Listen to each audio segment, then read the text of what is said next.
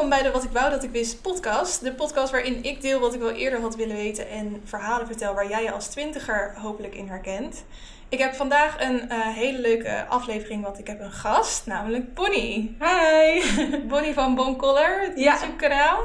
En uh, inmiddels ook van heel veel andere dingen. Ja, klopt. Ehm, wij uh, kenden elkaar via via en we hadden ook al online wat uh, contact gehad. En um, wij hebben volgens mij ook al wat overeenkomstige volgers. Want toen ik een keer op Instagram vroeg van wie zouden jullie nou echt nog te gast willen zien, willen horen eigenlijk in deze podcast. Toen zeiden heel veel mensen jou, Bonnie. Leuk. En um, nou ja, dus daarom hebben we dit geregeld en uh, nemen we vandaag een aflevering op. En ik luister zelf ook graag naar de podcast. Dus extra leuk om weer te gast te zijn. Ja, ja, we zijn allebei wel fan van elkaars podcast. Dus dan is het wel heel leuk. Um, en qua onderwerp zaten we te denken van wat zullen we nou doen? Nou ja, uh, het leek ons wel interessant om te hebben over hoe het nou is om influencer te zijn. Mm -hmm. um, we kunnen het ook hebben even over, straks over het woord zelf, want daar is ja. straks ook genoeg over te zeggen. Um, maar dat is denk ik wel iets waar heel veel mensen in geïnteresseerd zijn. En ik ook uh, naar jou, hoe jij daar tegenaan kijkt. Dus dat eigenlijk, dat is, dat is de aflevering van vandaag. Normaal zou ik nu dan beginnen met het lekker loeren blokje, waarvan ik weet dat jij er ook altijd heel erg fan van bent. Klopt. Juicy noodles. Maar het voelt een beetje gek. Uh, we nemen deze podcast op op um, zondag, wat is het, 15 maart. En we zitten echt midden in de coronacrisis, zoals het ook wel wordt genoemd.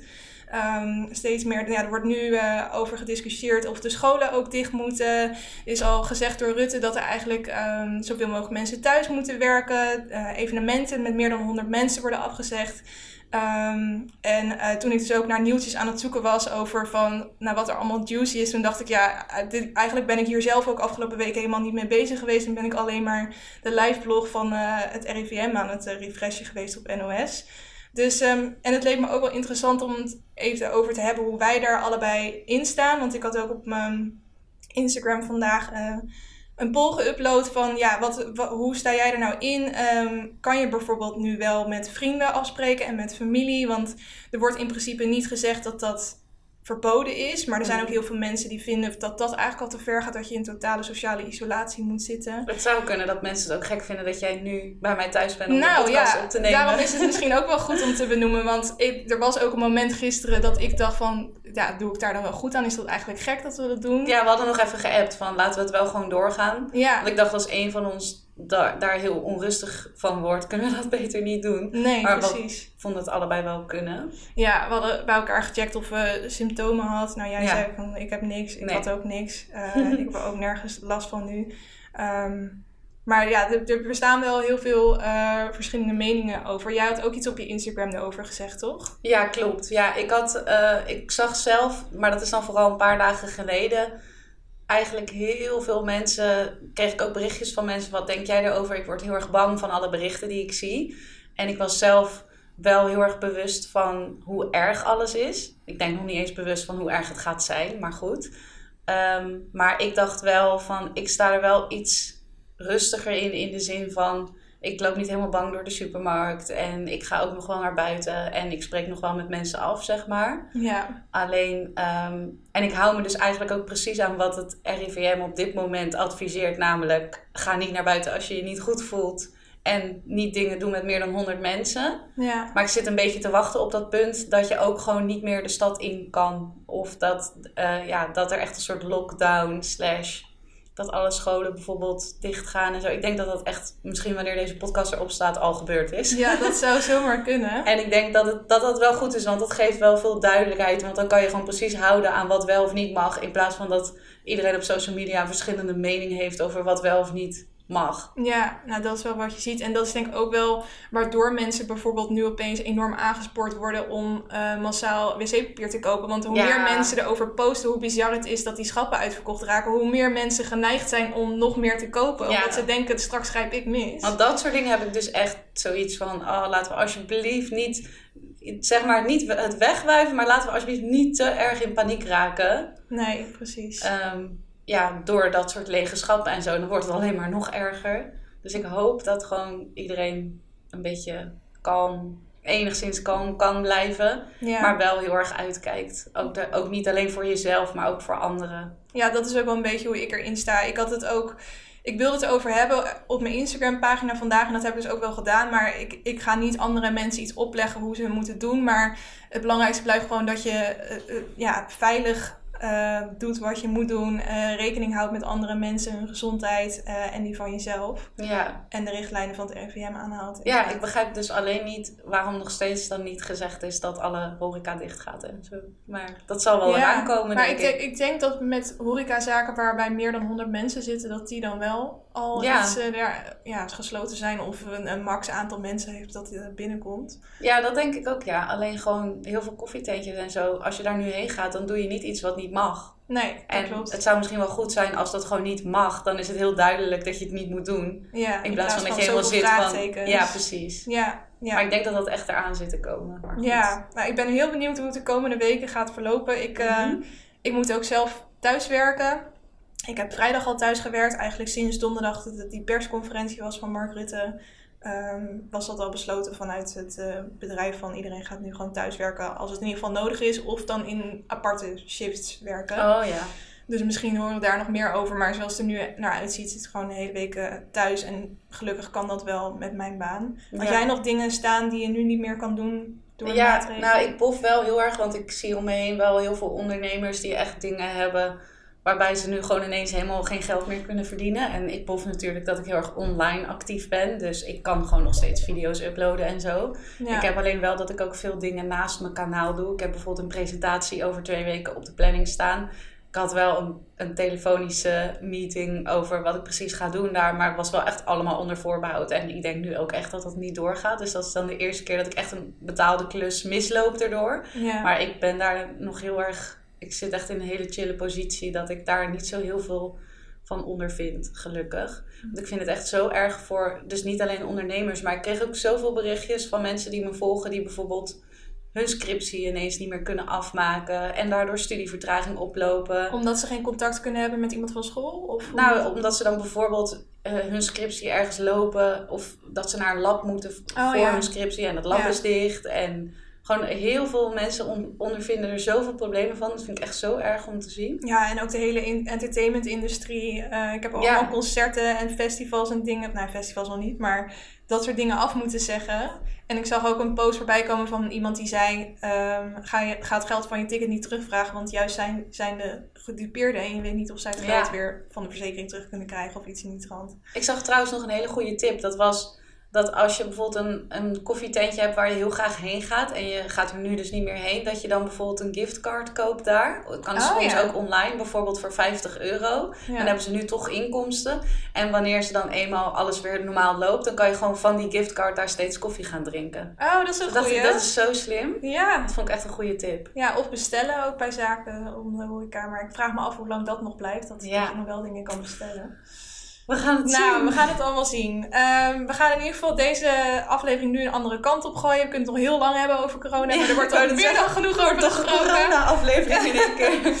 Dus eh, we gaan door naar het elke elletje waarin ik lees, kijk en luistertips geef. En ehm, we beginnen eventjes met een luistertip, want ik kon zelf deze week niet echt op iets komen. Ik heb niet zoveel nieuwe muziek geluisterd of podcast geluisterd en eh toen vroeg ik het aan Bonnie en jij had wel een leuke tip, toch? Ja, klopt. Nou, ik weet dat jij ook wel eens het Songfestival kijkt, maar Mhm. je hebt je nu nog niet echt in verdiept, geloof ik. Nee, klopt. Ja, je hebt wel de Nederlandse inzending gehoord. ja, toch? ja, ja, ja. Oh, trouwens, nog heel even over corona. Misschien dat het Songfestival dus ook niet doorgaat. Daar zijn we ons bewust van. Nee, nee, daar zijn we ons inderdaad bewust van. Maar, Maar de muziek is er al wel, daar kunnen we wel daar kunnen we naar luisteren nu. Ja. Nou, er zijn dus twee landen die ik tot nu toe echt geweldig vind. Eentje, die zag ik al zo vaak voorbij komen met mensen. En dat is dus IJsland. En dat is echt een super catchy nummer met een beetje een... Ja, Is het een vrouw of een man? Nee, het is een soort. eh, het is een jongen die zingt met een soort bandje om hem heen. En eigenlijk, het geeft je een beetje een soort Stranger Things vibes. Het zijn een beetje zo'n Oh. nerdy jongeren, zeg maar, die het zingen. En het is echt, ja, je moet gewoon. Ik laat het na deze opname zo even aan je horen. Ja. Maar het is gewoon een heel leuk, catchy eh, nummer.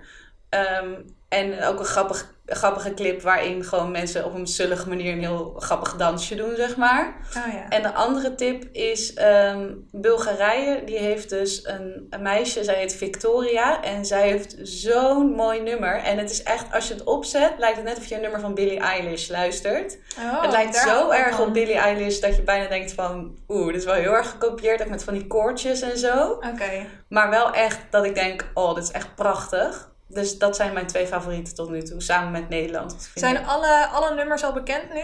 Eh, volgens mij bijna allemaal, maar ik, ik dacht nog niet allemaal. En heb jij nu al eentje waarvan je denkt, nou, dat is, want Billie Eilish, dat is een artiest die nu heel populair is, maar waarvan ik een soort van het idee heb dat het niet bij het Songfestival zou Nee, misschien niet. Heb je al een idee van dat nummer, dat maakt echt heel veel kans? Ik denk IJsland. Je denkt IJsland? Oké. Ja. Ja. En ik hoop natuurlijk Nederland, maar ja, dat zijn even twee leuke tips. Het enige wat ik weet, ik heb dus niet eens de nummer geluisterd heel erg, maar ik weet dat die van Frankrijk heel knap is. Oh, die van Frankrijk vind ik trouwens ook leuk. Oh, dat is ook ik weet even niet meer hoe die eruit ziet. Misschien heeft hij toch niet zoveel Ja, indruk dan, dan gemaakt. laat je straks het nummer aan mij horen en dan laat ik een foto van die jongens. Oké.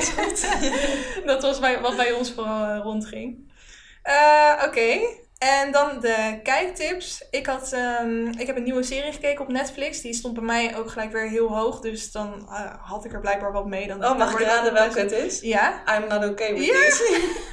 en die zegt ook iedereen tegen mij dat Oh, ja? ik heb nog niet gekeken. Oh, nou, ik eh, had hem dus gisteren aangezet. En het zijn, ja, ik weet niet uit mijn hoofd hoeveel afleveringen. Maar ze zijn heel kort. Het zijn maar 20 minuten of zo. En het gaat dus over een, een meisje op de middelbare school. Ehm, haar vader heeft zelfmoord gepleegd vorige zomer. Dus ze zit een beetje met zichzelf in de knoop. Ondertussen heeft ze een beste vriendin waarvan ze achterkomt dat ze daar eigenlijk verliefd op is. En ze komt erachter dat ze bepaalde krachten heeft. Dus als ze heel boos wordt, dan kan opeens, als ze dan in de supermarkt staat, alles uit de schappen vallen, zeg maar. Zoals Eleven. Ja. Stranger Things. Ja, daar deed het me heel erg aan denken. Maar dan ehm, ja, wel meer een beetje moody of zo. Ik vind dat Stranger, ja, Stranger Things is ook wel moody. Maar deze is echt, eh, ik weet niet, het heeft wel een andere soort vibe of zo. Leuk. Maar ik, vond het, ik vind het tot nu toe wel heel eh, interessant. Ik heb het nog niet afgezien, maar ja, zeker in deze tijden dat je toch heel veel binnen zit, dan is dat misschien wel een leuke tip. Ehm, heb jij nog iets eh, gekeken, een serie of een film? Ik heb net Love Island UK af. Oh, ik ook! Oh, ik heb gisteren ja, mogen aflevering eigenlijk geen spoilers nu geven. Nee. Maar misschien kunnen we wel zeggen, ben, ben je tevreden met wie er gewonnen hebben? Ja, heel erg. Ja, bij mij was het mijn tweede keus. Oké. Degene die tweede werden wa- was mijn eerste keus. Ja. Maar ik vond het wel terecht. Ja. ja, ik val nu wel weer echt in een gat nu ik het niet, eh, niet meer kan kijken. Nou, ik zat dus... Heb jij Love Island USA gezien? Eh, Dat was afgelopen nee, Oktober of zo kwam die op Videoland. Dus ik zat te denken van, ik ga die nu kijken, denk ik. Oh ja. Dat heb ik toen niet gedaan. Ik ben benieuwd of dat het eh, even leuk is als de Nou, ik heb ook. Australia gekeken. Ja, Ik heb er alle Love Islands alles gezien. En die was heel leuk. Dus ik, ja, ik ben nu ook in een Love Island gat gevallen dat ik denk, oké, ik moet even USA kijken. Ja, ja, ik wil die ook Zo leuk is het, hè? En ik ben heel erg benieuwd naar Temptation Island USA. Heb je dat gezien? Eh, ja, is daar weer een nieuwe van? Nee, daar, daar is ook, wordt nu een Nederlandse van gemaakt. Oh, ja. Zeg maar in de stijl van Dat zei dat ook dan in bij USA podcast doen. volgens mij. Klopt, Ja. ja. Dus daar, maar die is er nog niet hoor. Maar daar moest ik even aan denken. Oh, leuk. Ja. Eh, en dan de leestip. Ehm, misschien weet je dat wel, maar ik heb elke maand een, een boek wat ik Oh, ja. uitkies. En dan eh, lezen een aantal mensen mee. Of dat hoop ik althans. Dat is nu gelukkig ook weer zo het geval. En het boek van deze maand is Schildpadden tot in het oneindige. Dat klinkt in het Nederlands heel stom. In het Engels is het Turtles All the Way Down van John Green. Eh, maar even oproepje aan iedereen die luistert. Ehm, mocht je eh, dat boek nog mee willen lezen, dan kan dat nog. Het is niet zo'n heel dik boek en ehm, de maand duurt nog lang, zeker als je thuis zit. Dus doe lekker mee, zou ik zeggen. Ehm, wil je nog weten waar het over gaat? Het gaat over Aza, of Eza, hoe je het ook uit wil spreken. En het is een meisje met een dwangstoornis. En samen met een vriendin gaat zij op zoek naar een voortvluchtige miljardair. Want er is dus een grote beloning voor de gouden tip over zijn verblijfplaats. Ehm, en het wordt dus geschreven vanuit het perspectief van die Asa. En ja, ik vind het altijd heel interessant om dan ehm, te horen hoe, hoe het eraan toe gaat in iemands hoofd. Omdat het toch altijd lastig is om in iemand te verplaatsen als je het zelf niet hebt. En eh, ik vind dat dat heel goed beschreven wordt. Ik las ook een, eh, ergens dat John Green dit eh, deels autobiografisch heeft geschreven. Omdat hij hier zelf, toen hij opgroeide, ook last van heeft Oh. gehad. Dus dat is vandaar dat hij zich zo goed erin kan verplaatsen. Ehm, er is ook een, een, een appgroepje of nou ja, een Instagram groepje voor. Dus eh, mocht je meelezen en toch enthousiast geraakt zijn, stuur me dan even een DM. Dan kan ik je daaraan toevoegen. En dan eh, hebben we het daar over het boek. Is een Instagram groepje een soort Ja, chat? ja, ja. Oh, grappig. Dus zo, ja, ik dacht, ik kan wel iedereen's nummer gaan vragen. Maar ik heb iedereen al op Instagram. Dus we kunnen net zo goed op Instagram een groep ervan maken. Ehm, dus vandaar. Dus dat voor het eh LKL'tje. Of jij moet nog een leuke leestip hebben. Heb je het toevallig? Ehm, ja, ik heb meer allemaal boeken die ik wil lezen. Ja? ja, ik kom zo iemand gewoon- met een hele stapel thuis. Met Ja, ik heb daar letterlijk nu een hele stapel liggen van boeken die Oh, ik of ja. net gelezen heb of half in bezig ben. Ik lees altijd vier boeken tegelijk en zo. Ja, dus ik, zie wel allemaal leuke ertussen liggen. Ja. Ja, dat klopt. Maar ik, ja, ik lees gewoon veel te weinig. En wat is eentje daarvan die nu het hoogst op je lijst staat? Die je wil gaan lezen? Eh, het, het nieuwe boek van Teske, die had ik opgestuurd Oh, gekregen. ook eh, Ja, een soort van gede- gedeeltelijk poëzie, maar ook korte verhalen, geloof ik. En ja, daar ben ik gewoon heel benieuwd naar, omdat ik haar natuurlijk ook ken. En het schijnt gewoon heel puur te zijn. Dus ik denk dat ik die als eerstvolgende ga lezen. Cool. Ja. Ja, oké. Eh, nou, gaan we door naar het hoofdonderwerp. Hoe is het om influencer te zijn? Ja. Eh, misschien is het goed als jij nog... Ik denk dat de meeste mensen eh, wel eens van jou gehoord hebben. Maar misschien kan je nog even kort Nou, uitleggen wat jij doet. Of Ja. wat het, ja, ik ben dus Bonnie en ik heb een YouTube kanaal en het heet Bon Color. En mensen vragen altijd, oh waarom heet het zo? Maar ik had echt ooit, voordat ik op YouTube zat, had ik dat als Instagram naam. Bon van Bonnie en dan color, kleur in het Engels. En dat vond ik een leuk woord. Verder zit er helemaal niks achter. Toen dacht ik, oh, zo noem ik mijn kanaal. En nou, dat is een beetje zo gebleven. En ik heb dat kanaal nu vier en een half jaar, denk ik. Zoiets. En ik ben begonnen met... ehm, ik heb eerst twee jaar lang dagelijks gevlogd. Dus dat ik elke dag een vlog maakte over mijn leven. mhm. En eh, daarnaast maakte ik ook nog ander soort video's waarin ik bijvoorbeeld naar de rommelmarkt ging of eh, leuke spullen kocht of dingen testen. En toen op een gegeven moment kwam ik op een punt dat ik dacht van ja, ik zou eigenlijk ook wel wat series en zo willen maken. Maar als je gewoon zeven dagen per week aan het vloggen bent, dan kom je daar gewoon bijna niet aan toe. Nee. En toen heb ik de switch gemaakt, denk ik twee jaar geleden of zo, dat ik dus een nieuw uploadschema had. En toen maakte ik dus drie vlogs per week. Op maandag, woensdag en vrijdag komt er dan een vlog online. En dan heb ik elke zondag een ander soort video. En toen ik die switch gemaakt heb, toen heb ik bijvoorbeeld de serie Kringloopkwartier bedacht. En dat is een hele populaire serie op mijn kanaal, waarin ik steeds met een ander iemand naar de kringloopwinkel toe ga. Mega En dan- leuk vind ik dat altijd Thanks. kijken. en dan moeten we in een kwartier voor elkaar een outfit uitzoeken. Daar komt volgend weekend, begint daar een nieuw seizoen van. Leuk. Oh, je werkt ook echt in seizoenen dus. Ja, seizoen 3, aflevering 1. en ehm, Wist je trouwens, heel even tussendoor, ik was vorige week in een kringloopwinkel. En toen waren er dus twee meiden van, nou, ik denk dat ze een jaar of 15 waren, die waren kringloopkwartier aan het spelen. oh mijn god, dat heb ik al vaker van mensen Ja. gehoord. Ik hoorde hun opeens zeggen van, oh mijn god, we hebben nog maar drie minuten. Oh, ik heb, ja, ik heb dit jasje, maar ik wil dat erbij. En toen ging ik later naar Dat de, gingen we later me omkleden. En toen gingen ze dus aan elkaar de outfit laten zien. Oh, jij hebt het wel beter gedaan dan ik. Oh, Ja, dat toen vind ik dacht ik zo echt, de geweldig. van Bonkel, daar gaat helemaal naar Amsterdam. Wat leuk. Ja. Oh, dat is echt heel grappig. Ja, ik heb dat dus van, vaker van mensen gehoord, dat ze dat in een kringloop gezien hebben. Dat mensen Ja. dat speelden. Leuk toch? Super leuk. Maar ehm, ja, dus nu maak ik dan op die zondag heb ik dus een aantal series. Ik heb dus sinds een tijdje ook een podcast, de Pyjama Party podcast. En dat, daar maak ik dan ook een video bij, gewoon puur omdat mijn doelgroep heel erg op YouTube zit. Dus het staat ook op Spotify en zo. Maar ik merk dat echt dat gewoon 50% de video aanklikt en de andere 50% op Apple of Spotify Ja, of is zo luistert. 50-50? Ja, Grappig. dus daarom vind ik het echt de moeite waard om ook die video te uploaden, zeg maar. Ja. Ehm, Ja, ook zien of mensen dat dan uitkijken. Is het alleen om even te checken van oké, zo ziet het er op beeld uit? Of Nee, je dan kan ook wel hangen? de watchtime zien en zo. En dat is wel gewoon eh, goed. Al, al denk ik niet dat iedereen echt een uur aandachtig zit te kijken. Maar ja, ik zie gewoon heel vaak ook in mensen hun stories en zo. Dat ze zeggen, oh, even de nieuwe podcast kijken. Oh, grappig. Ja, omdat het gewoon in hun systeem zit of zo. Dus, en het idee van een podcast is dan ook weer helemaal anders of zo. Ja. Dus je denkt, je denkt aan audio en dan is het eigenlijk ook een soort van video. Ja, klopt. Ja. Ja, nee, ik zie, ik zie podcasts, een echte podcast vind ik wel gewoon echt dat je, eh, dat je geen beeld nodig hebt. Alleen, ja, ik doe het als een soort extraatje er dan wel Ja. bij. Zie je ook vaker. Ja, Ja. maar het, het zou niet ho- nodig hoeven, te- hoeven zijn. Maar ik zou het zelf een beetje dom vinden als ik alleen de audio doe. Gewoon puur omdat ik al een kanaal heb waar veel mensen naar kijken natuurlijk. Slim. En ja, verder maak ik dus een beetje video's over kringloopwinkels. Over, ik doe soms eh soort challenges, wat jij eigenlijk ook een beetje doet. Dus ik Mm. had bijvoorbeeld laatst, eh, van mezelf mocht ik in januari en februari geen spullen kopen. En heb een video gemaakt over hoe dat, is, hoe dat me is, eh, hoe zeg je dat, afgegaan. Is dat ja, goed Nederlands? Ja, hoe Ja, hoe, is. ja, hoe dat ging. Eh, en ik had bijvoorbeeld een keer gedaan dat ik 24 uur geen elektriciteit had en geen elektrische apparaten. Dus mocht ik Oh. ook mijn telefoon niet gebruiken. nou, ik had me heel erg verveeld. Daar kan ik me iets bij voorstellen. Maar ja, dus een beetje dat soort dingen doe ik nu. En ehm, ja, op mijn kanaal heb ik iets meer dan 45 of 46.000 abonnees. En ik ben ook actief op Instagram. Dat is een beetje... Dus Instagram, YouTube, podcast. Ja, klopt. Dat ja, het. Twitter bijvoorbeeld, maar dat... Ja, Doe je daar nog wel eens wat mee? Ja, ik, ik tweet sowieso altijd mijn nieuwe video, maar af en toe ook iets wat in me opkomt of zo. En ik vind Twitter ook heel leuk om te lezen. Ja. Heb jij Twitter? Ja, ik heb het wel. Ik, maar ik, ben, ik post eigenlijk niet echt meer.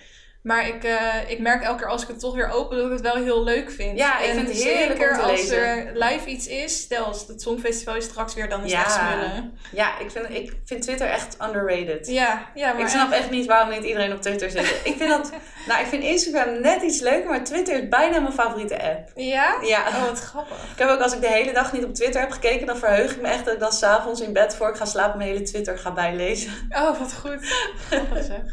En je begon dus eigenlijk met eh, video's maken. Ja, Ehm, deed je dat toen nog naast je baan of studeerde je toen nog? Ehm, ik zat toen in het laatste jaar van de PABO. Ik ben afgestudeerd ja, als juf dus eigenlijk. Ja. En ehm, ik, ik merkte wel al terwijl ik de PABO deed dat ik het heel leuk vond en dat het goed ging. Maar dat ik niet, in tegenstelling tot mensen in mijn jaar, echt een beeld had van... oh, ik ga gewoon fulltime voor de klas en dat wil ik mijn hele leven doen. Ik had altijd meerdere dingen die ik leuk vond. Dus ik werkte ook naast... Ik heb zeg maar het laatste jaar van de PABO heb ik in de deeltijd gedaan. En eh, dat was ook weer gedeeltelijk omdat volgens mij mijn studiefinanciering toen op was of zo. Zodat ik daarnaast ook kon werken, zeg maar. Want ik kreeg dan voor mijn eindstage zo goed als niet betaald. Oh ja. En ehm, toen werkte ik bijvoorbeeld ook al als eh, journalist voor de Rotterdamse Kinderkrant. En ik deed al een beetje wat eh editachtige dingen. En ik had dan als hobby een YouTube-kanaal. Dus ik deed eigenlijk altijd al van alles en nog wat. Mhm.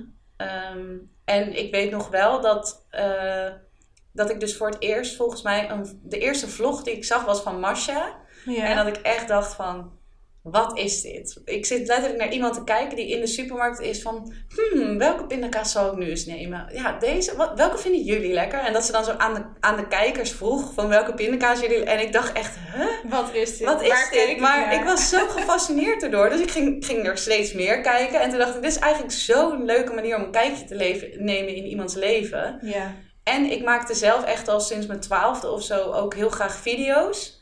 Ik had bijvoorbeeld zo'n digitale camera waar ik ook mee kon filmen. Maar ik had op een gegeven moment ook zo'n heel klein videocameraatje voor mijn verjaardag gekregen.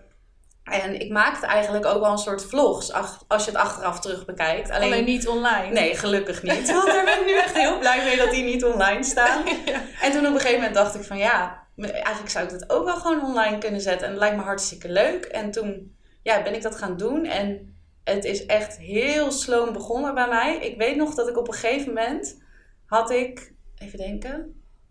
Ja, op een gegeven moment had ik al 100 vlogs. Dus kan je even nagaan. Elke vlog ben je bijvoorbeeld vijf uur aan het editen. Je bent heel veel voor aan het filmen. Ja. Heel veel werk zit erin. Toen had ik nog geen duizend volgers. Nee. Dus Maar je was wel nog maar, als ik het goed heb, 3,5 maand bezig. Als je elke dag een vlog uploadde. ja, klopt. Ja. Ja. Maar toch voor het werk wat Ja. je steekt. Ja. Dus als ik dan... Ik had toen maar heel waarschijnlijk makkelijk- vond je dat op dat moment toen heel wat. Of viel dat wel mee? Eh, ja, ik vond het wel heel wat. Maar ik zag wel van een aantal YouTubers die ik dan volgde. Dat dan een vriend of vriendin of broertje of zusje van een grote YouTuber begon dan ook een kanaal. En die hadden dan binnen Ja. één dag 5000 abonnees. en dan dacht ik, ik zit me helemaal te pletter te werken. En niemand weet van mijn bestaan af. Maar de mensen die bijvoorbeeld keken, die vonden het wel heel leuk. En die gingen het dan ook weer tegen andere mensen zeggen. En toen op een gegeven moment kreeg ik dus ook dat een aantal grotere YouTubers ook mijn kanaal ontdekten. Dus bijvoorbeeld Jill, haar kanaal heette toen Croco Jill. Ja. Zij vertelde dan bijvoorbeeld, zij had volgens mij 300.000 abonnees. En dan vertelde zij in een vlog van, nou ik heb nu een kanaal ontdekt, echt heel leuk. Ik heb eigenlijk nog nooit zulke vlogs gezien. En Gewoon ze- uit zichzelf. eh, ja, en ze edit leuk. het superleuk, dus dat zou ik echt een kijkje nemen. En dan kwamen er bijvoorbeeld gewoon duizend volgers bij in een weekend. Oh ja. En toen Ja. dacht ik echt, wow, eigenlijk heb je dat dus blijkbaar nodig of zo... om het balletje een beetje te laten rollen. Ja. Maar ik denk dat als je gewoon heel erg je best doet en heel erg plezier hebt in wat je doet en niet een soort doel hebt, want dat had ik helemaal niet. Ik vond het gewoon echt leuk om te maken. Ik denk dus dat als je het heel lang volhoudt, dat het dan op een gegeven moment vanzelf een beetje komt. Maar het kan wel heel lang duren. Want er zijn natuurlijk ook mensen die, die op die manier ook aan de slag gaan, die bijvoorbeeld dan een berichtje zouden sturen naar een, een Jill of, of ja, een doen. Gloss van kan je mijn kanaal eens bekijken, wat vind je ervan? Dat heb je niet gedaan. Nee, dat heb ik niet gedaan, inderdaad. Dat, dat vind ik te ongemakkelijk. Ik heb wel op een gegeven moment een soort switch gemaakt van uh, ik weet niet meer precies wanneer dat was. Maar op een gegeven moment dacht ik van ja, ik heb dan wel niet heel veel abonnees. Maar mijn video's worden wel echt goed bekeken. En toen dacht ik van ik moet mezelf nu wel gewoon serieus gaan nemen. Ja. En dan had ik wel eens, ik denk dat ik op een gegeven moment bijvoorbeeld 10, ja ik weet het niet meer goed, 10.000 abonnees of zo had. En toen kende ik bijvoorbeeld dus Masha via ons management waar we allebei bij zaten. En toen had ik een soort met kerst ging ik dan elke dag met iemand anders een video opnemen. En toen had ik haar bijvoorbeeld gevraagd: Vind je het leuk om mee te doen? En toen zei zij ook gewoon ja. Oh ja. Maar dan gewoon op een hele vrijblijvende manier. Niet zo van uh, met gewoon: Oh, als je het niks vindt of je hebt geen tijd, geen probleem. Ja. En ik denk dat als je je gewoon een beetje bescheiden opstelt en jezelf wel gewoon serieus neemt, dat mensen je dan, als ze jou leuk vinden, heus wel iets met je willen opnemen of zo. Ja, cool. Ja. Uh, je zei net ook van, wij zaten toen bij hetzelfde management. Wanneer was de, het moment dat jij naar zo'n management toe ging? Oeh, ja, ik ben heel slecht in inschatten wanneer dat was. Ja, volgens mij toen ik iets van 3000 abonnees had of zo. Mm Ik weet toen dat een aantal uh, eh, MCN's, heet dat dan, mij een... Uh, een mailtje hadden gestuurd van of, of ik daarbij wilde of een gesprek wilde. En ik wist zelf van een aantal YouTubers die ik graag volgde, dat die bij social influencers zaten. En toen Want heb dat ik... is waar je nu bij zit? Ja, dat is inmiddels dan nu Talpa oh geworden. Maar ik heb toen zelf een mailtje naar social influencers gestuurd. Want ik dacht, ik wil gewoon met verschillende praten voordat ik beslis bij welke ik ga. Ja. En daar kon ik toen op gesprek komen en die waren ook gewoon gelijk helemaal enthousiast. Dus toen ben ik uiteindelijk daar gegaan. Gewoon puur omdat ik uh, was toen ook bijvoorbeeld bevriend geraakt met uh, Saske en Alwin van Vet Gezellig. En die zaten daar ook bij en zo. En dat voelde gewoon voor mij het logisch. In plaats van een, een, management waar heel veel gamers of zo bij zaten die ik niet echt kende. Ja, dat klopt niet echt. Nee. Um, nog eventjes terugkomen bij de term uh, influencer. Want ik zat hem dus eigenlijk eens online op te zoeken van waar, waar staat dat nou voor. Ik kon niet echt in, dat vinden dat het in de Vandalen stond of zo. Maar in ieder geval werd het omschreven uh, als mensen die online veel invloed hebben en op veel plekken uh, aanwezig zijn. Of op, op, bijvoorbeeld via podcasts of video's of wat dan ook. Mm -hmm. Hoe zie jij dat zelf, die term? Ja, ik vind het dus niet zo'n heel leuk woord. Want dan lijkt het net alsof je doel is uh, om mensen te beïnvloeden of zo. En ja. dat ja, is natuurlijk helemaal niet mijn doel. Ik heb volgens mij op mijn LinkedIn iets van content creator of zo. Oh ja. Uh, maar ik denk dat... Ik vind influencer een beetje een random woord. Ik heb het idee dat dat meer uh, een soort bijzaak is. Net, ja, dat is toevallig een gevolg van wat je doet of zo. In plaats van dat dat het, hetgene is wat je doet. De reden dat je het gaat doen. Ja, dat, dat is vind ik een beetje raar klinken. Maar ik ben er wel van mening dat je inderdaad wel veel mensen kan beïnvloeden. Maar ik denk ook dat als je heel weinig mensen uh, jou volgen, dat je ook al een soort influencer kan zijn. Ja, maar ik kan me wel voorstellen dat op het moment dat dat groter wordt, dat dat groeit, dat je dan ook wat meer druk daardoor gaat ervaren. Of dat je in ieder geval op het moment dat je dan dingen doet, meer bewust bent dat er mensen meekijken en dat je er eventueel invloed op kan hebben. Heb je dat? Ja, op zich wel. Dus ik heb bijvoorbeeld een paar jaar geleden voor het eerst dan een video gemaakt waarin ik mijn volgers echt opriep om te gaan stemmen bijvoorbeeld. Ja. En dan kreeg ik ook echt meerdere berichtjes van ja, ik twijfelde eerst, maar door jou ben ik wel echt gaan stemmen. En dan denk ik echt, dat is echt heel cool. Dan heb je wel echt het idee dat je invloed hebt. Ja, ja en ik heb ook echt, een positieve denk manier. misschien wel van 40 mensen of zo de afgelopen jaren gehoord dat ze door mij bijvoorbeeld vegetariër zijn geworden. En dat is gewoon iets, dat vind ik echt zo cool. En dan, ja, dat vind ik echt geweldig. Ja, wat vet. ja. En heb je ook wel eens het, uh, nou ja, negatief wil ik niet noemen, maar de, de, de druk, omdat je weet dat er zoveel mensen nu kijken en misschien ook iets van je verwachten, omdat je het al zo lang doet dat je uh, moet presteren of door blijven werken, zelfs als normale mensen. Bijvoorbeeld, um, als ik kijk naar mijn fulltime baan, als ik op vakantie ga, dan, dan zet ik het uit, dan laat ik mijn laptop daar en dan ja. is het af, weet je wel? Klopt, ja. Ik heb dat, ik heb dat eigenlijk tot vorig jaar, heb ik dat... Um, heb ik altijd gewoon heel, was ik gewoon eigenlijk altijd bezig met content maken. Maar dat deed ik wel ook echt niet alleen omdat, niet omdat ik een druk voelde, maar meer omdat ik het ook zelf echt heel graag wilde. Mhm. En ehm, ja, omdat het is ook gewoon niet heel zwaar om, als je als baan je hobby doet. Ik zeg maar, ik vind niet dat ik het heel zwaar heb of zo. Ik vind het juist heel- dat ik een heel chill leven heb door wat ik doe en doordat ik van mijn hobby mijn werk heb kunnen maken. Daar ben ik ook eigenlijk gewoon heel dankbaar voor. Ja. Ik merk alleen dat ik sinds vorig jaar wel ehm, iets meer soort van me-time ben gaan waarderen. En ik had toen eh, afgelopen herfst, toen had ik eh, een week vrijgenomen. Oeh, heftig.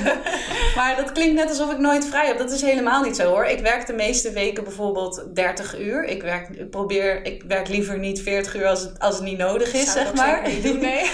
Ehm, en ik ga ook regelmatig op vakantie en zo. Ik heb een super chill leven. Alleen ik merkte dat ik wel heel de tijd aan het vloggen ben. Dus al was ik drie weken met mijn vriend in Vietnam, dan ben ik ook aan het filmen. Ook omdat ik het heel erg leuk vind. Ja. Maar toen dacht ik, ja, ik had, ik had toen afgelopen herfst gewoon heel erg behoefte aan een weekje gewoon even helemaal in mijn schulp kruipen en niet vloggen.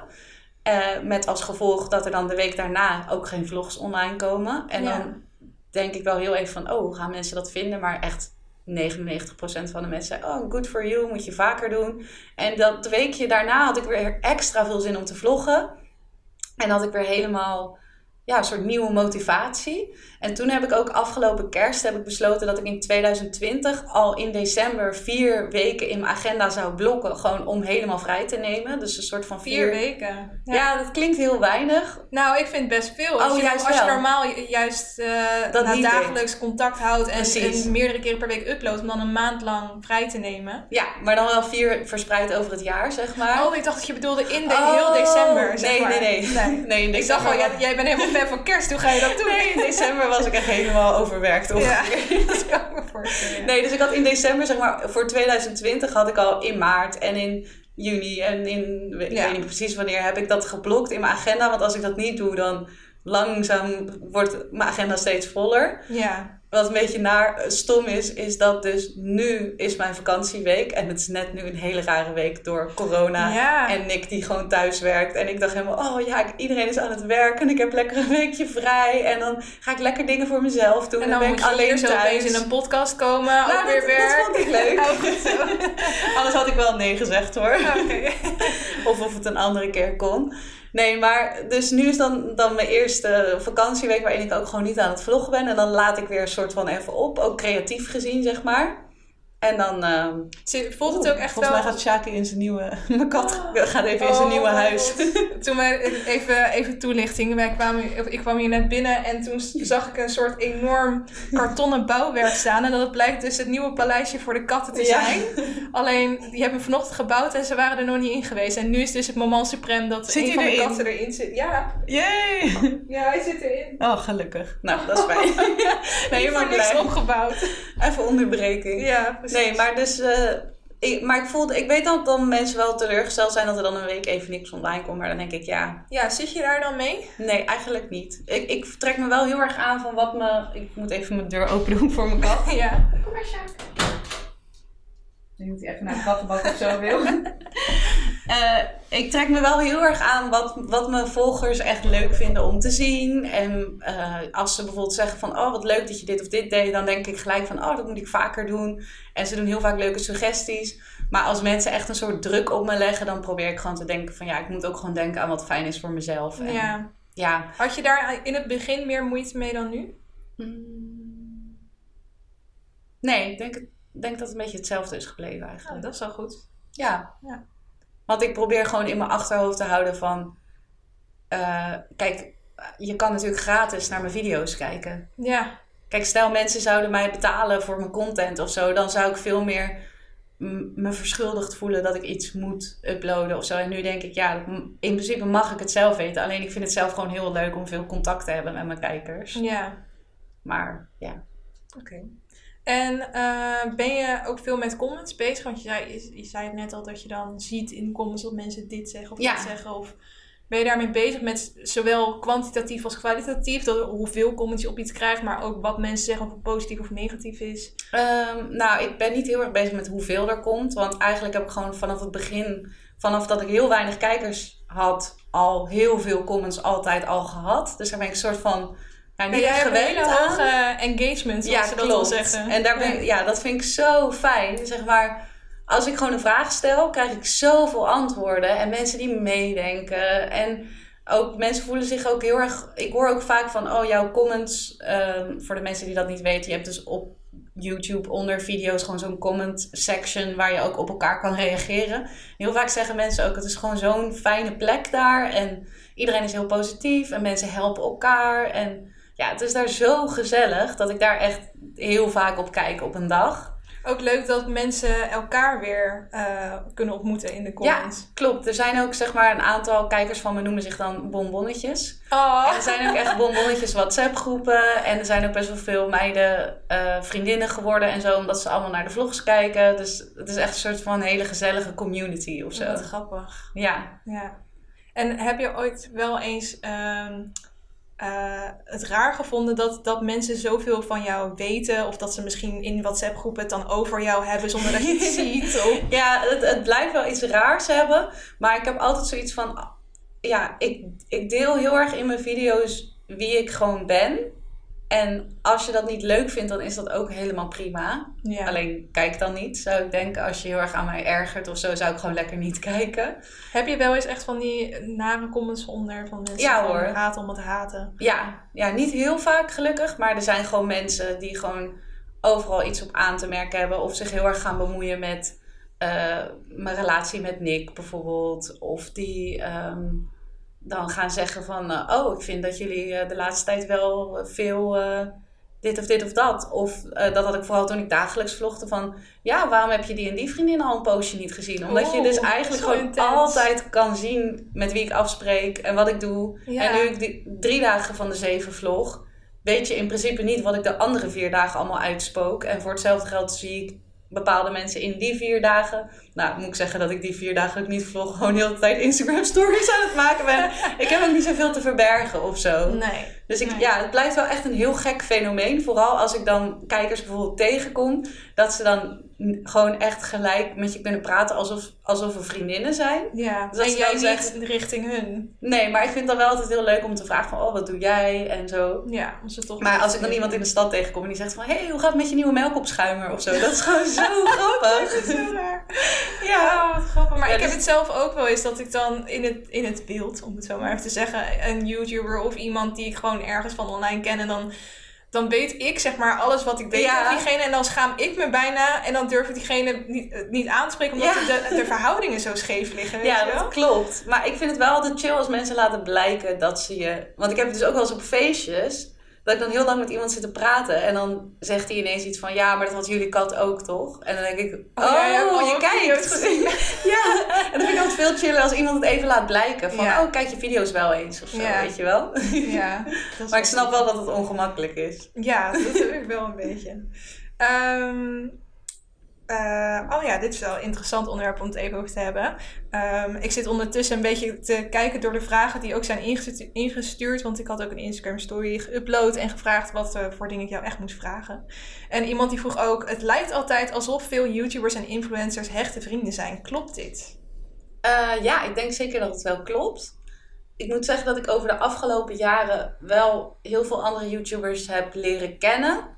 En ja, zo goed als iedereen gewoon heel aardig vindt. Maar dat je wel gewoon merkt van met sommige mensen word je echt vrienden. En sommige is meer gewoon, die zie je soms op een event of zo. Ja. Ik weet ook niet echt waar dat aan ligt. Ja, waarschijnlijk gewoon hoe goed je met elkaar klikt. En hoeveel behoefte je er allebei aan hebt om met elkaar af te spreken. Mhm. Maar ik heb dan bijvoorbeeld eh, Lotte en Sarah, die hebben ook allebei een YouTube-kanaal. En wij zijn met z'n drieën gewoon echt hele goede. Dat zijn nu echt twee van mijn beste vriendinnen, zeg maar, geworden.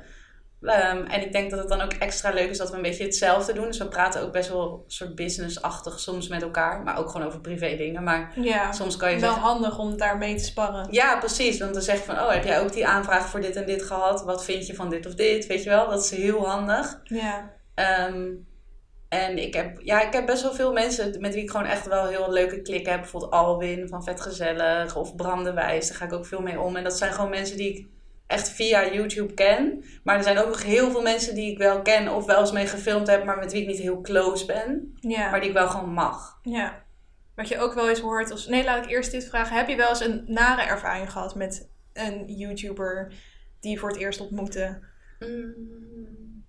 Nee, niet echt. Maar ik weet wel dat toen ik echt nieuw was in die hele community, dat, je, dat ik dan zo, als ik dan op een of ander YouTuber feestje was, dan voel je wel een soort van dat sommige mensen. eh, ja, dan ga je misschien een beetje aan jezelf twijfelen. van, Wat doe ik hier eigenlijk? Ik, niet, ik hoor hier helemaal iedereen niet aan het thuis. Zo, dat, hoe heet dat ook weer? De imposter Ja. syndrome? ja. Ook vooral omdat ik zelf best wel veel YouTube keek. En dan sta je ineens zo tussen al die mensen. En Nou, dat je, lijkt me gek, ja. Hoe was dat? Oh, als je geluiden hoort, ze zijn helemaal gek op het nieuwe kartonnen kasteel. Eh, ja, aan de ene kant is het heel even gek. Dus ik weet, volgens mij ging ik dan voor het eerst, was ik bij Feed of zo. Dat is een YouTube award show. En dan ging ik zo naar de wc en dan liep ik op de gang zo ineens zo naast Stuk TV of zo. En dan denk je Mhm. zo, oh my god, dat is Stuk TV. Dat ga je dan niet ja, zeggen natuurlijk. nee, nee, nee. Maar aan de andere kant, ik heb wel heel snel gedacht van ja, dit zijn ook gewoon allemaal maar mensen of zo. Ja. Want heb je wel eens het idee gehad dat zij ook zo op, op zo'n YouTuber feestje bijvoorbeeld naar jou keken? Van wat doet zij hier? Nee, dat, dat totaal niet. Maar je hebt wel gewoon dat. Je merkt gewoon dat sommige mensen die, die staan gewoon niet heel erg open om een nieuwe iemand te leren kennen. Hmm. En die zijn gewoon meer met de mensen die ze altijd al kennen. En die zijn daar gewoon aan het chillen. En gewoon, ja, ik zou daar nog niet zo snel op afstappen. Maar als ik heel eerlijk ben, heb ik het idee dat als ik zelf nu op een soort YouTube-feestje ben, dat ik ook gewoon een beetje mijn eigen gang heb. En dat ik ook niet heel erg bezig ben met, oh, is er misschien iemand die niemand kent? Dat zou ik eigenlijk misschien wel wat meer kunnen doen. Dat je dan iemand Ja, die zelf weer nieuw is de in nieuwe het wereldje. Bonnie eh Ja, precies. betrekken. Ja. Maar ik denk dat als je gewoon mensen kent ergens, dan sta je niet heel erg. eh, dan ga je niet heel snel met andere mensen kletsen of Nou zo. ja, je, je- het is ook natuurlijk wel logisch dat je, dat heb je in elke nieuwe ruimte, dat je toch toetrekt naar mensen waar jij het meeste hebt. Precies. Ja, Ja. dat snap ik wel. Ehm, ik zie ook wel eens comments voorbij komen of van die statements van mensen die zeggen ja. Ehm, vaak bij nieuwe YouTubers zie je dan dat ze opeens alleen nog maar YouTube-vrienden hebben, omdat ze daar zo dan weer eh, traffic vandaan kunnen halen. Oh, Hoe ja. kijk jij daar zelf naar als mensen dat zeggen? Ja, ik, ik, weet, ik kan alleen maar vanuit mezelf kijken. En ja, bij mezelf weet ik dat dat gewoon niet zo is. En dat de mensen met wie ik veel omga, die ik via YouTube ken, die zie ik ook regelmatig terwijl ik dan niet aan het vloggen ben. Of dat is gewoon, ja, die spreken ook heel veel buiten de vlogs om, zeg maar. Ja, Maar ik weet wel dat er wel mensen zijn die echt iets zakelijker met elkaar omgaan. Dus dat er dan bijvoorbeeld twee meiden zijn die allebei een kanaal hebben. En dat ze dan gewoon een middag gaan afspreken. En in die middag vier, vier collabs gaan opnemen. Twee voor het ene kanaal, twee voor het andere kanaal. Ja, ik moet er echt niet aan denken. ja. Ik vind het leuker om... zonder dat ze echt vrienden zijn. nou, ik denk dat ze dan op zich wel vrienden zijn. Maar wel op een zakelijke manier afspreken. Ja, En ik denk als ik bijvoorbeeld kijk hoe vaak ik met Lotte en Sarah afspreek. Ik spreek dan denk ik één keer in de drie weken met ze af. En ik denk dat we één keer in het jaar misschien samen een video gaan opnemen. nou ja. Zeg maar, daar, daar Ja. draait het niet om. Nee. En ik zou het ook echt heel naar vinden om zo vier video's achter elkaar eruit te moeten pompen. Ja, dat snap ik. Maar het is ook wel weer slim. ja. Dan hebben ze wel een voorraadje video's. ja, en dat zie je ook wel bij van die influencer reisjes. Dat, Mhm. dat in ieder geval, ik, ik, ik ben gek op mensen die, op video's van mensen die vertellen over die influencer reisjes. Ja, die heb ik ook gezien, ja. De juicy verhalen, zeg maar, delen. Ja. En toch hoor ik dan ook wel vaak dat, dat er dan heel veel zijn, ehm, niet per se van Nederlands, maar ook buitenlands, die dan ehm, naast elkaar op zo'n perstrip zitten en dan een selfie maken en ondertussen op het eten alleen maar op hun mobiel Ja. zitten en niet socializen verder. Ja, dat verder. dus dat gehoord, het ook ja. heel erg zakelijk blijft en niet verder gaat dan dat. Heb jij dat wel eens meegemaakt of ga je wel eens op van die influencer trips? Nou, eigenlijk zo goed als nooit. Ehm, ik ben best wel kritisch in waar ik mijn tijd aan wil besteden. Want ik vind het gewoon belangrijk om. eh, qua werk vind ik het belangrijkst om gewoon vier hele leuke video's per week te maken. Dat is gewoon mijn hoogste prioriteit. En daarnaast vind ik het gewoon heel belangrijk om veel tijd met mijn ouders en mijn vriend en mijn vrienden en zo te kunnen doorbrengen. Ehm, dus ik bewaak heel erg mijn vrije tijd, zeg maar. Eh, en zo'n tripje, eh, vaak, eh, nou ja, laat ik zeggen soms, soms is het onbetaald. Dus dan krijg je in ruil voor wat stories die je plaatst en zo, krijg je dan bijvoorbeeld een leuk tripje naar Parijs. En dan ga je eh, naar de lancering van een nieuw product. En, maar dan ben je bijvoorbeeld van vrijdag tot maandag weg. En dan denk ik van ja, ja, dit klinkt misschien, misschien denken sommige mensen echt, why, ik zou het zo doen. Ja. Maar ik denk, nou ja, ik, ik ben liever dat weekend gewoon lekker thuis op de bank met mijn vriend. En ik ga dan zelf een keer naar Parijs. En eh, dan is het ook nog eens vaak dat je dan bijvoorbeeld naar Parijs gaat vliegen. Mhm. En ik probeer iets minder te vliegen, gewoon voor het milieu. En dan vind ik het echt zonde om daarheen te vliegen, zeg maar. Terwijl je ook gewoon met de trein zou kunnen. Ja. Dus ik ben iemand die een beetje ja, echt afwegingen maakt wat ik wel en niet doe. Want je krijgt wel aanvragen van ga je mee met die Ja, op zich wel. Ja, vorig jaar kon ik bijvoorbeeld eh, voor iets naar Stockholm, naar Ivoorkust, iets Oh, in. Portugal. Ja, het, nu Ah, ik heel kan, raar dat ik het ik allemaal kan niet me gedaan voorstellen heb. dat als jij eh, al heel graag heel veel dingen van de wereld wilde zien en je krijgt opeens die kans dat je dat dan gelijk inderdaad met beide handen aangrijpt. Nou, op zich vind ik reizen en zo wel heel leuk. Maar het is ook wel echt... Ik vind het gewoon heel erg leuk om bijvoorbeeld met mijn vriend te reizen. Ja, want het is dan wel alleen meestal, toch? Ja, eigenlijk altijd. Ja. Dus dan moet je ook maar hopen dat het dan met andere mensen is. Ik denk dat het zeg maar rooskleuriger is dan in de werkelijkheid. Ja. Dan zit je daar een beetje zo in je eentje op je hotelkamer. denk je, waarom ben ik hier eigenlijk heen gegaan? Ja, dat is ook wel een beetje de indruk die ik kreeg als ik dan die, eh Die video's hoorde. in die video's. Ja. Ja. Ja. ik heb dat ook wel vaak bij events of zo, maar dat is dan echt zo, dat duurt twee uur. Ja. Maar dan denk ik van, Sjaak springt even op tafel. Sjaak is een beetje de afleidende factor in deze podcast. Maar wel heel schattig. Hij wil nu kopjes geven aan de microfoon. Eh, nee, maar dan merk ik dat als je dan in je eentje daarheen gaat, dan heb je altijd wel leuk iemand om mee te kletsen of zo. Maar echt gewoon zo'n heel tripje. Ja, ik ben ook echt een huismus. Ja. Ik hou ook gewoon lekker van thuis zijn. En En dan denk je dan niet wel eens van, oh, maar als ik straks allemaal vette beelden heb dat ik in Parijs ben, dan heb ik misschien meer views. nou, weet je wat het grappige is? Ik heb zo vaak gehoord van mensen. Ik vind het veel leuker om te zien hoe jij je keukenkastje opruimt en boodschappen doet. dan dat je in, in Vietnam bent of zo. Oh, wat grappig. Mensen houden gewoon meer van die huiselijke dingen. Zie je dat ook wel terug in je views? Bijvoorbeeld, je hebt van je, Ehm. van je reis naar Vietnam, heb je daar minder, eh wordt Nee, minder bekeken? nee, eigenlijk niet. Maar dat komt omdat al mijn video's hebben echt een heel steady aantal views. Zeg maar, ze worden allemaal tussen de 21 en 27.000 views of zo bekeken. Maar ook echt allemaal. Dus of ik nou zeg in mijn pyjama mijn keukenkastje opruimen. Of wow, naar de Efteling of zo. Dat is ook wel fijn, want Ja, dan, dan weet je ook dat wel. het daar niet van afhangt of zo. Maar ik hoor wel veel bij andere YouTubers dat hun reisvlogs wel echt minder goed bekeken worden dan hun thuisvlogs. Oh, wauw. Ja, nou, dan, dan gaat dat eigenlijk ook niet op, inderdaad. Nee, Ja, maar ik- heb jij dat zelf ook als je iemands vlogs kijkt? Want ik vind het dus stiekem ook het leukst als ze gewoon thuis zijn. Ja, ik zit dat nu te denken. Of het is, als het een locatie is waar ik nog heel graag naar eh, op Ja. vakantie wil en ik wil inspiratie opdoen, dan is het ongeveer het eerste video waar ik op zou klikken als Ja. ik zie dat diegene daarheen is geweest. Maar stel, ik hoef daar niet per se heen, dan vind ik het inderdaad juist het dagelijkse leven leuk. Ja, en dan hè? denk ik, eh, oh, de beste vriend van die persoon zit nu weer in de video. Oh, dan ga ik die even kijken. Ja, precies. Gewoon juist de, de normale dingen in Ja. het leven, inderdaad. Ja. Grappig Maar dat wel. is, dat is volgens mij ook wel het succes van vlogs. Wat jij ook zei, de eerste vlog die je keek. Dat je dan zag dat hij boodschappen aan het doen was en dat je toch blijft kijken. Ja, precies. Daar, daar zit er wel een beetje de kracht in ook. Dat denk ik ook, ja. Ja. Ja, ook. Ik vind het ook leuk als ik eh, een vlog van iemand kijk en dat ik daarna inspiratie heb, dan niet puur om dingen te kopen. Maar stel iemand ehm, is eh, bloemen gaan drogen. Dan denk ik, oh, ik wil ook gedroogde bloemen in Ja. huis. Of iemand die heeft een lekker recept gemaakt, dat ik dan denk, oh, dat ga ik binnenkort ook maken. Ja. Dat, ja, dat vind ik gewoon een heel leuk effect. Dat je eigenlijk heel veel inspiratie opdoet uit een vlog of zo. Als Ja. iemand tenminste een beetje dezelfde interesses als jij heeft. En kijk, kijk jij ook veel andere YouTubers? Eh, veel minder dan eerst. Ik denk dat ik eerst echt op 50 kanalen geabonneerd was. Maar Mhm. niet alles van iedereen keek. Maar ik heb het idee dat ik de laatste twee jaar of zo... heb ik denk ik mijn acht favoriete kanalen... waar ik wel echt nog trouw naar kijk. Mhm. Ehm, maar verder ja, heb ik het idee dat YouTube wel een beetje veranderd is. In wat voor opzicht? Eh, ik denk dat heel veel mensen die dan al heel lang op YouTube zitten, misschien niet meer uploaden of minder uploaden. Maar ook dat er heel veel eh, kanalen zijn waar echt een soort televi- televisieprogrammaatjes op te zien zijn. Dus Ja. echt van die geproduceerde series en zo. En dat vinden kijkers gewoon heel leuk om te zien.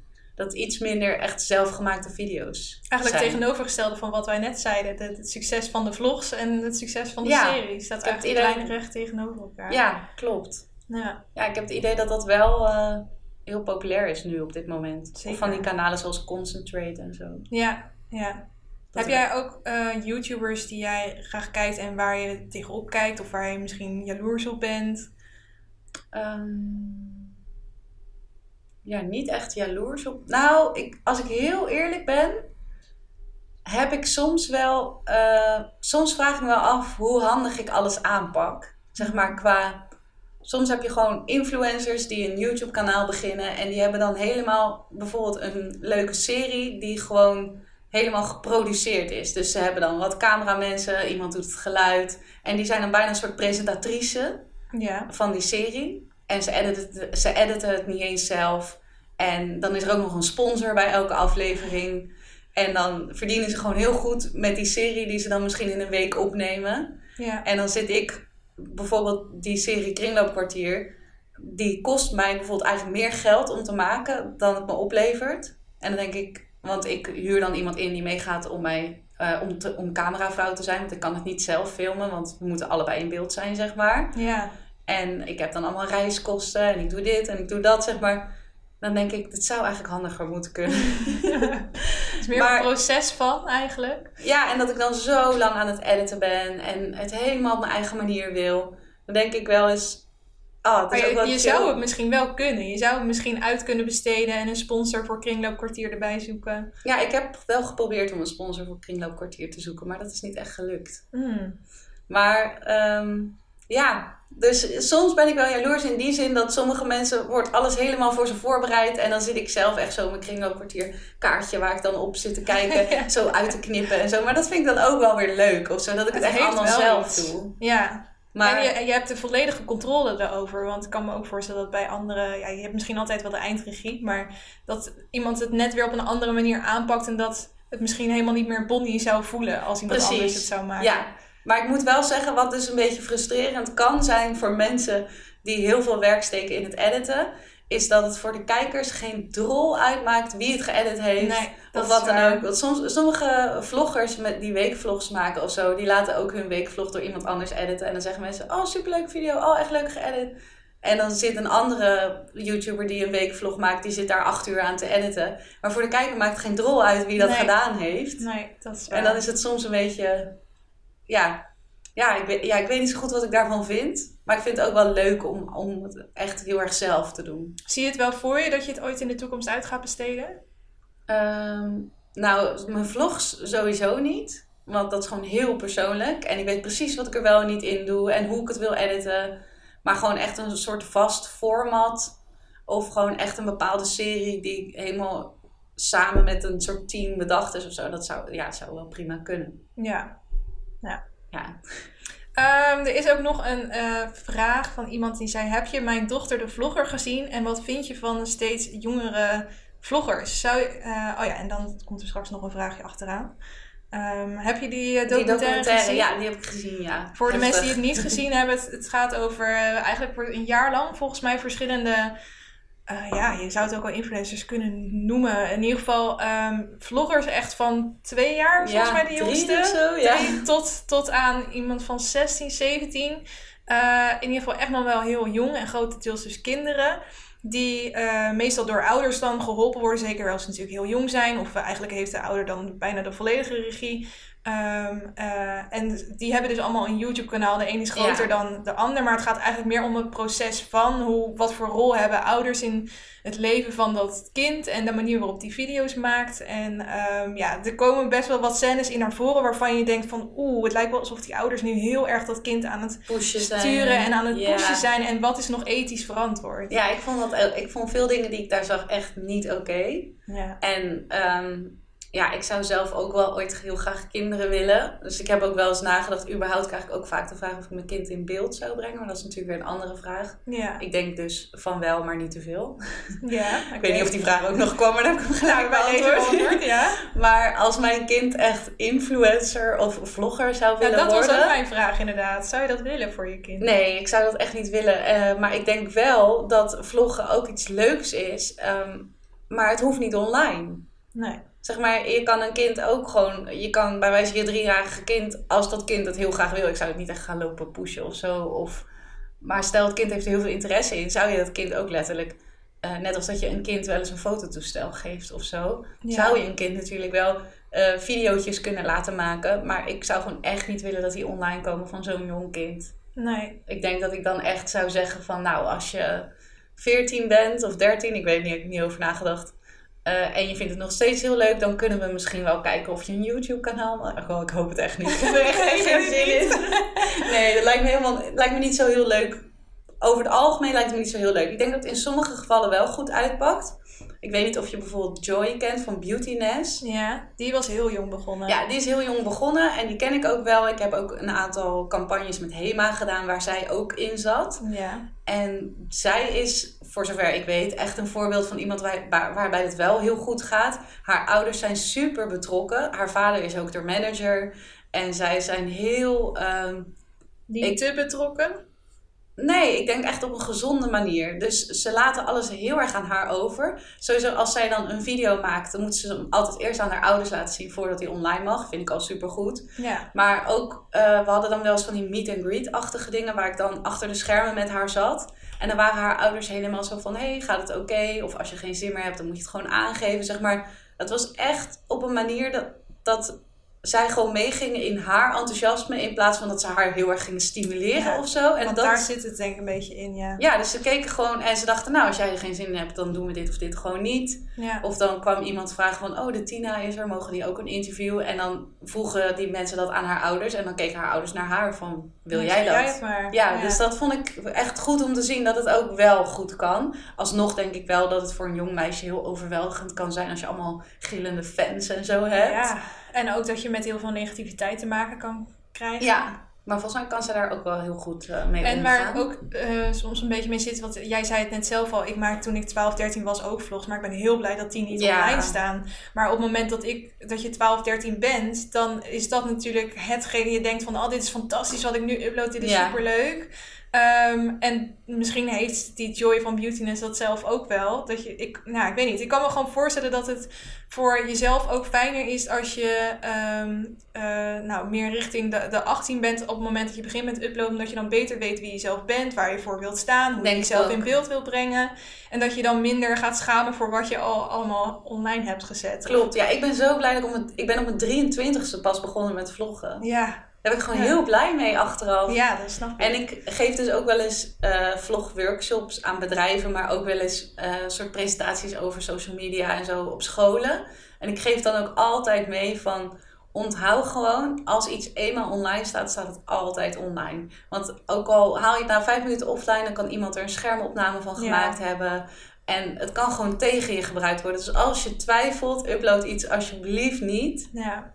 Dat heb ik ook als regel voor mezelf. Bij twijfel gewoon niet uploaden. Heb je wel eens iets offline moeten halen?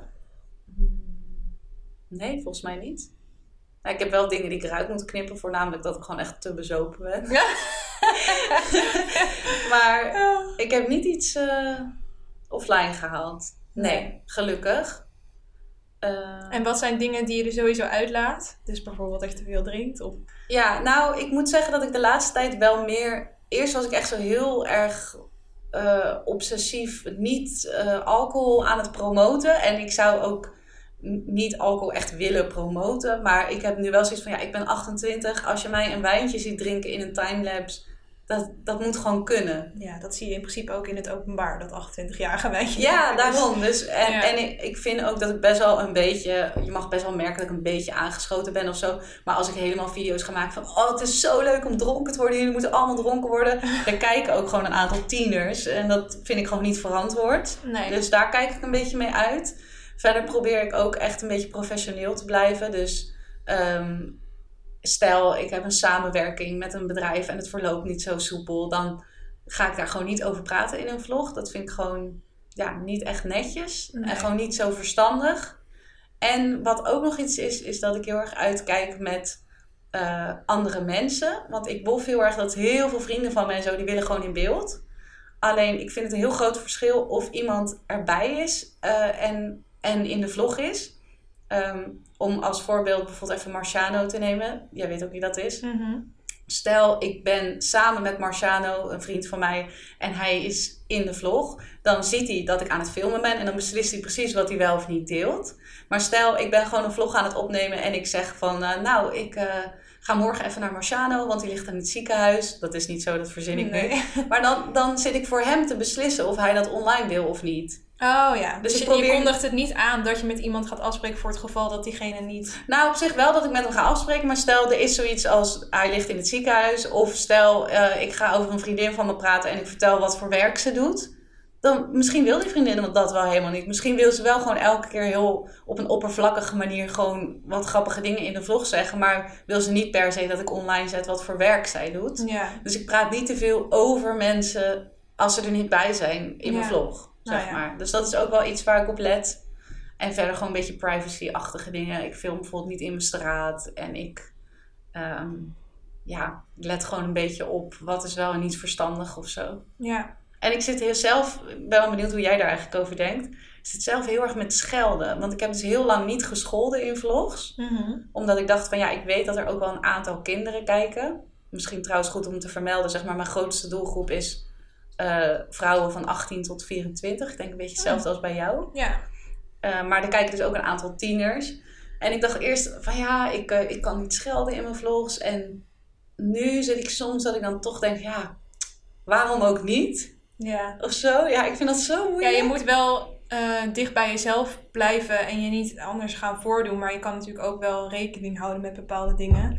Alleen Ja. ik dacht ook dat het dat de reden was dat heel veel YouTubers niet schelden, ehm, was vanwege de inkomsten. Omdat je dan Oh, moet aangeven of zo en dat je dan. Ja, maar volgens mij kan je dan gewoon alsnog invullen dat je niet scheldt.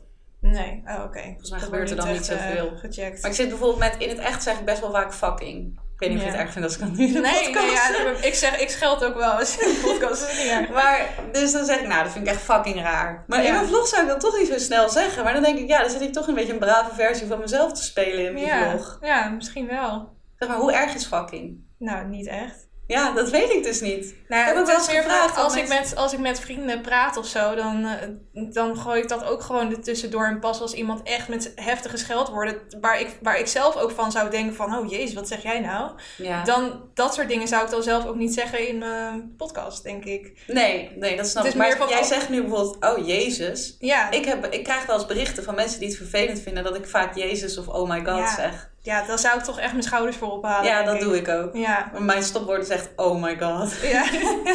Maar ik kan ook gewoon geen andere manier verzinnen als ik echt er, als iets heel erg Oh, heftig jeetje. vind. Ja, hoe zeg je dat Oh. dan? Zeg ik, oh my god, wat erg. Ja, ik moet dan oh my god zeggen. ja, nou dan moet je dat toch ook niet aanpassen. Nee, nee, dus Ja. dat vind ik... Maar ik zie dat zelf ook niet echt als schelden. Jezus Nee. en oh my god. Sommige Nee. mensen dus wel. Maar bijvoorbeeld fucking, dan denk ik, ja... Ja. Dan vind ik een beetje suf van mezelf dat ik dat dan niet zeg. Maar aan de andere kant vind ik het ook wel weer goed. Want ja, ik weet niet. Ik zit daar heel erg in struggle mee. Nou, ik denk hetzelfde als dat je ehm, eh, wel laat zien dat je af en toe een wijntje drinkt of zo. Ja, Terwijl je ook weet dat er kinderen meekijken. Maar je, je beseft je ook wel dat kinderen kunnen nadenken. Zij is volwassen en ze eh, Ja. drinkt een wijntje, weet je wel. En ook niemand is perfect en gooit er ook wel eens een scheldwoord uit. Ja, dat is ook menselijk. Dus ja dat is waar. Dus Ja. zolang je het niet te- vaak doet, denk ik dat het niet zoveel... eh, maar goed, dat is ook iets wat iedereen voor zichzelf moet eh, Ja, klopt. bepalen. Ja. Je had het net al eventjes over eh, samenwerkingen. Heb je veel samenwerkingen? Ja, best wel. Ja, ik moet zeggen dat ik wel echt selectiever ben geworden. Dus, ehm, nou, dat is natuurlijk heel fijn dat dat kan, überhaupt. Want, Want hoe vaak, hoe werkt dat? Krijg je dan een aanvraag via je management? ook, maar ik krijg ook zelf heel veel aanvragen die ik gewoon zelf oppak. Oké. Vind dat ook gewoon wel leuk om te doen en ik ben daar ook wel goed in. Dus ik heb heel veel bedrijven die dan mailen. Je hebt de laatste tijd ook heel veel soort van reclamebureaus die dan ehm, campagnes doen voor een merk. En die zoeken daar dan een aantal influencers bij. En dan sturen ze een mailtje van: Hoi, we zouden graag met jou dit en dit en dit willen doen. En we willen dan vragen of je twee Instagram posts plaatst en een YouTube video erover maakt. En eh, dit is ons budget. En dan staat er vaak echt iets wat gewoon niet aansluit bij wat ik daarvoor vraag. Hm. Ehm, dus heel vaak komen we er ook niet uit op geld. Omdat ik wel gewoon steeds meer in heb gezien hoeveel ik waard ben. Omdat, eh, kijk, als je gewoon kijkt naar, oh, 46.000 abonnees, dat klinkt niet... Nou, tenminste, ik vind het heel veel. Maar het is geen 100.000. Mhm. Maar als je kijkt hoe vaak de video's bekeken worden en hoe betrokken mensen zijn en hoe vaak er op een linkje geklikt wordt. Als ik een linkje plaats, dat kan je dan bij Bitly bijvoorbeeld zien hoe vaak ja. een linkje wordt aangeklikt. Dan weet ik gewoon dat het, dat het best waardevol is. Dus daar, eh, daar kijk ik naar. Maar ik kijk vooral naar of iets echt bij me past en of ik iets echt een leuk of fijn of lekker product vind. Ja, hecht je daar wel waarde aan? Wat Heel voor, eh, veel, ja. Dus ik heb, eh, ik heb ook best wel vaak gehad dat ik dan wel echt een heel leuk bedrag ergens mee kon verdienen, maar dat het gewoon niet echt matchte. Zoals wat dan? Eh, laatst bijvoorbeeld kon ik een best wel grote samenwerking met Optimal doen. Mhm. En ehm, toen dacht ik, ja, ik ben juist gestopt een jaar geleden of zo met melk drinken. Ik ben niet vegan, dus ik promoot ook wel eens dingen die niet vegan zijn. Bijvoorbeeld, eh, ik had nu een samenwerking met Lidl voor hun nieuwe vleesvervangers. Uh, waar er een aantal van ook niet vegan zijn. Maar ik ben ook zelf niet vegan. Maar om dan Optimal te gaan promoten, voelt voor mij dan toch... Ja, dat voelt gewoon net niet lekker of zo. Ja, want het is ook een product wat je zelf nooit zou gebruiken. Ja, ik heb het wel met veel plezier gedronken. Maar aangezien ik gewoon alleen nog maar havermelk koop... En, uh, en um, hoe heet het? Optimal geen uh, vegan variant heeft... koop ik dat gewoon eigenlijk niet. Nee. Dus om dat dan puur te gaan zitten drinken voor die samenwerking... Ja, dat zou ja, gek zijn. Dat, ja. dat doe ik gewoon niet. En ook um, als dingen snel achter elkaar komen. Ik had geloof ik twee jaar geleden of zo wel eens iets met een app gedaan. En dan was er twee weken daarna weer... Er was dan wel iets leuks echt met jongeren die dan een bijbaan via een app konden vinden. En werd heel snel, daarna werd ik weer benaderd voor iets met een app. En dacht ik, ja, ik heb laatst al een app gedaan. Dat vind ik te snel achter elkaar. Dat vind ik vervelend voor mijn volgers. Dus ik kijk gewoon of het echt matcht met mezelf, maar ook of het niet storend is of zo voor mijn volgers. Ja, dat lijkt me ook nog wel lastig. Want hoe bepaal je. Je ziet sommige YouTubers of, of vooral op Instagram mensen die eigenlijk elke post die wel draait om een product of een dienst. Want volgens mij zou dat in principe kunnen dat je overal een sponsor bij hebt. Maar um, hou jij daar dan ook nog de, ja, hoe zeg je dat? De grip op van, van wil, hoe vaak ik zoiets Hoe vaak je inderdaad zoiets Ja, ik heb dus uh, ik heb in mijn telefoon zeg maar een lijstje waarbij ik bijhoud. Pak hem er nu even bij, dan kan ik gelijk wat voorbeelden benoemen. Van hoeveel gesponsorde posts ik eigenlijk doe. Dus dan heb ik bijvoorbeeld van 2019 en dan schrijf ik ook erbij of het op Instagram en op YouTube is. En ik heb bijvoorbeeld als regel voor mezelf, ik wil niet dat twee vlogs achter elkaar een sponsor hebben. Hmm. Maar ik denk over het algemeen dat ik gemiddeld één keer per maand op YouTube iets gesponsord heb. En misschien één of twee keer per maand, denk ik twee keer per maand op Instagram of zo. Dus ik vind dat zelf, als je ziet hoeveel ongesponsorde content ik maak, heel weinig eigenlijk. Ja, dat vind ik ook wel. Uh... En ik merk zelf, wat ik wel grappig vind om te merken, is dat, uh, omdat ik natuurlijk best wel veel met duurzaamheid bezig ben, dat de dingen die ook echt een soort duurzaam randje hebben, dat ik daar wel echt het meest trots op ben. Ja. Dus als bijvoorbeeld dan die nieuwe vleesvervangers, als mensen dat dan echt daardoor gaan kopen, dat vind ik gewoon geweldig. Merk je ook dat meer duurzame merken jou nu opzoeken? Ja, veel meer. Hebben? Ja, de ja. laatste tijd echt bijna alleen maar. Dus um, ja, ik had een laatst iets met Philips, maar dat ging dan ook echt heel erg over hoe zij met duurzaamheid bezig zijn, met, met het hergebruiken van apparaten en zo. Mm -hmm. En binnenkort iets met een plasticvrije web webshop bijvoorbeeld. Dus dat matcht gewoon heel leuk. Ja, cool. Maar ik had bijvoorbeeld vorig jaar ook iets gedaan met uh, Oral-B. Wat dan weer ja, iets heel anders lijkt. Maar ik gebruik letterlijk sinds mijn achtste of zo heb ik daar elektrische tandenborstels van. En daar ben ik gewoon heel erg fan van. dus dan vind ik het ook een goede match. Ja. Heb je ook wel eens een, een sponsoring gedaan of samenwerking waar, waarvan je daarna spijt kreeg? Of bijvoorbeeld nu je eenmaal duurzaam bent, dat je daarop terugkijkt en denkt van nou, dat had eigenlijk niet gehoeven? Mm. Nee, eigenlijk niet. Ik heb niet iets wat nu in me opkomt. Nee. Nee. Nou, dat is Gelukkig. teken.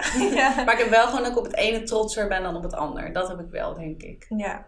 En kan je, uh, wat was het punt dat je er echt van rond kon komen? Was dat gelijk toen je fulltime ging? Nee, nee. Ik weet nog dus dat ik in het begin, um, toen ik dus dagelijks vlogde, toen heb ik een hele lange periode gehad dat ik 1 euro per vlog verdiende. En dan uploadde ik er 30... En dat zijn de advertentieinkomsten ja. vanuit YouTube, toch? En dan uploadde ja. ik er 30 per maand. Dus dan had ik 30 euro per maand. Ja. dat was echt helemaal niks.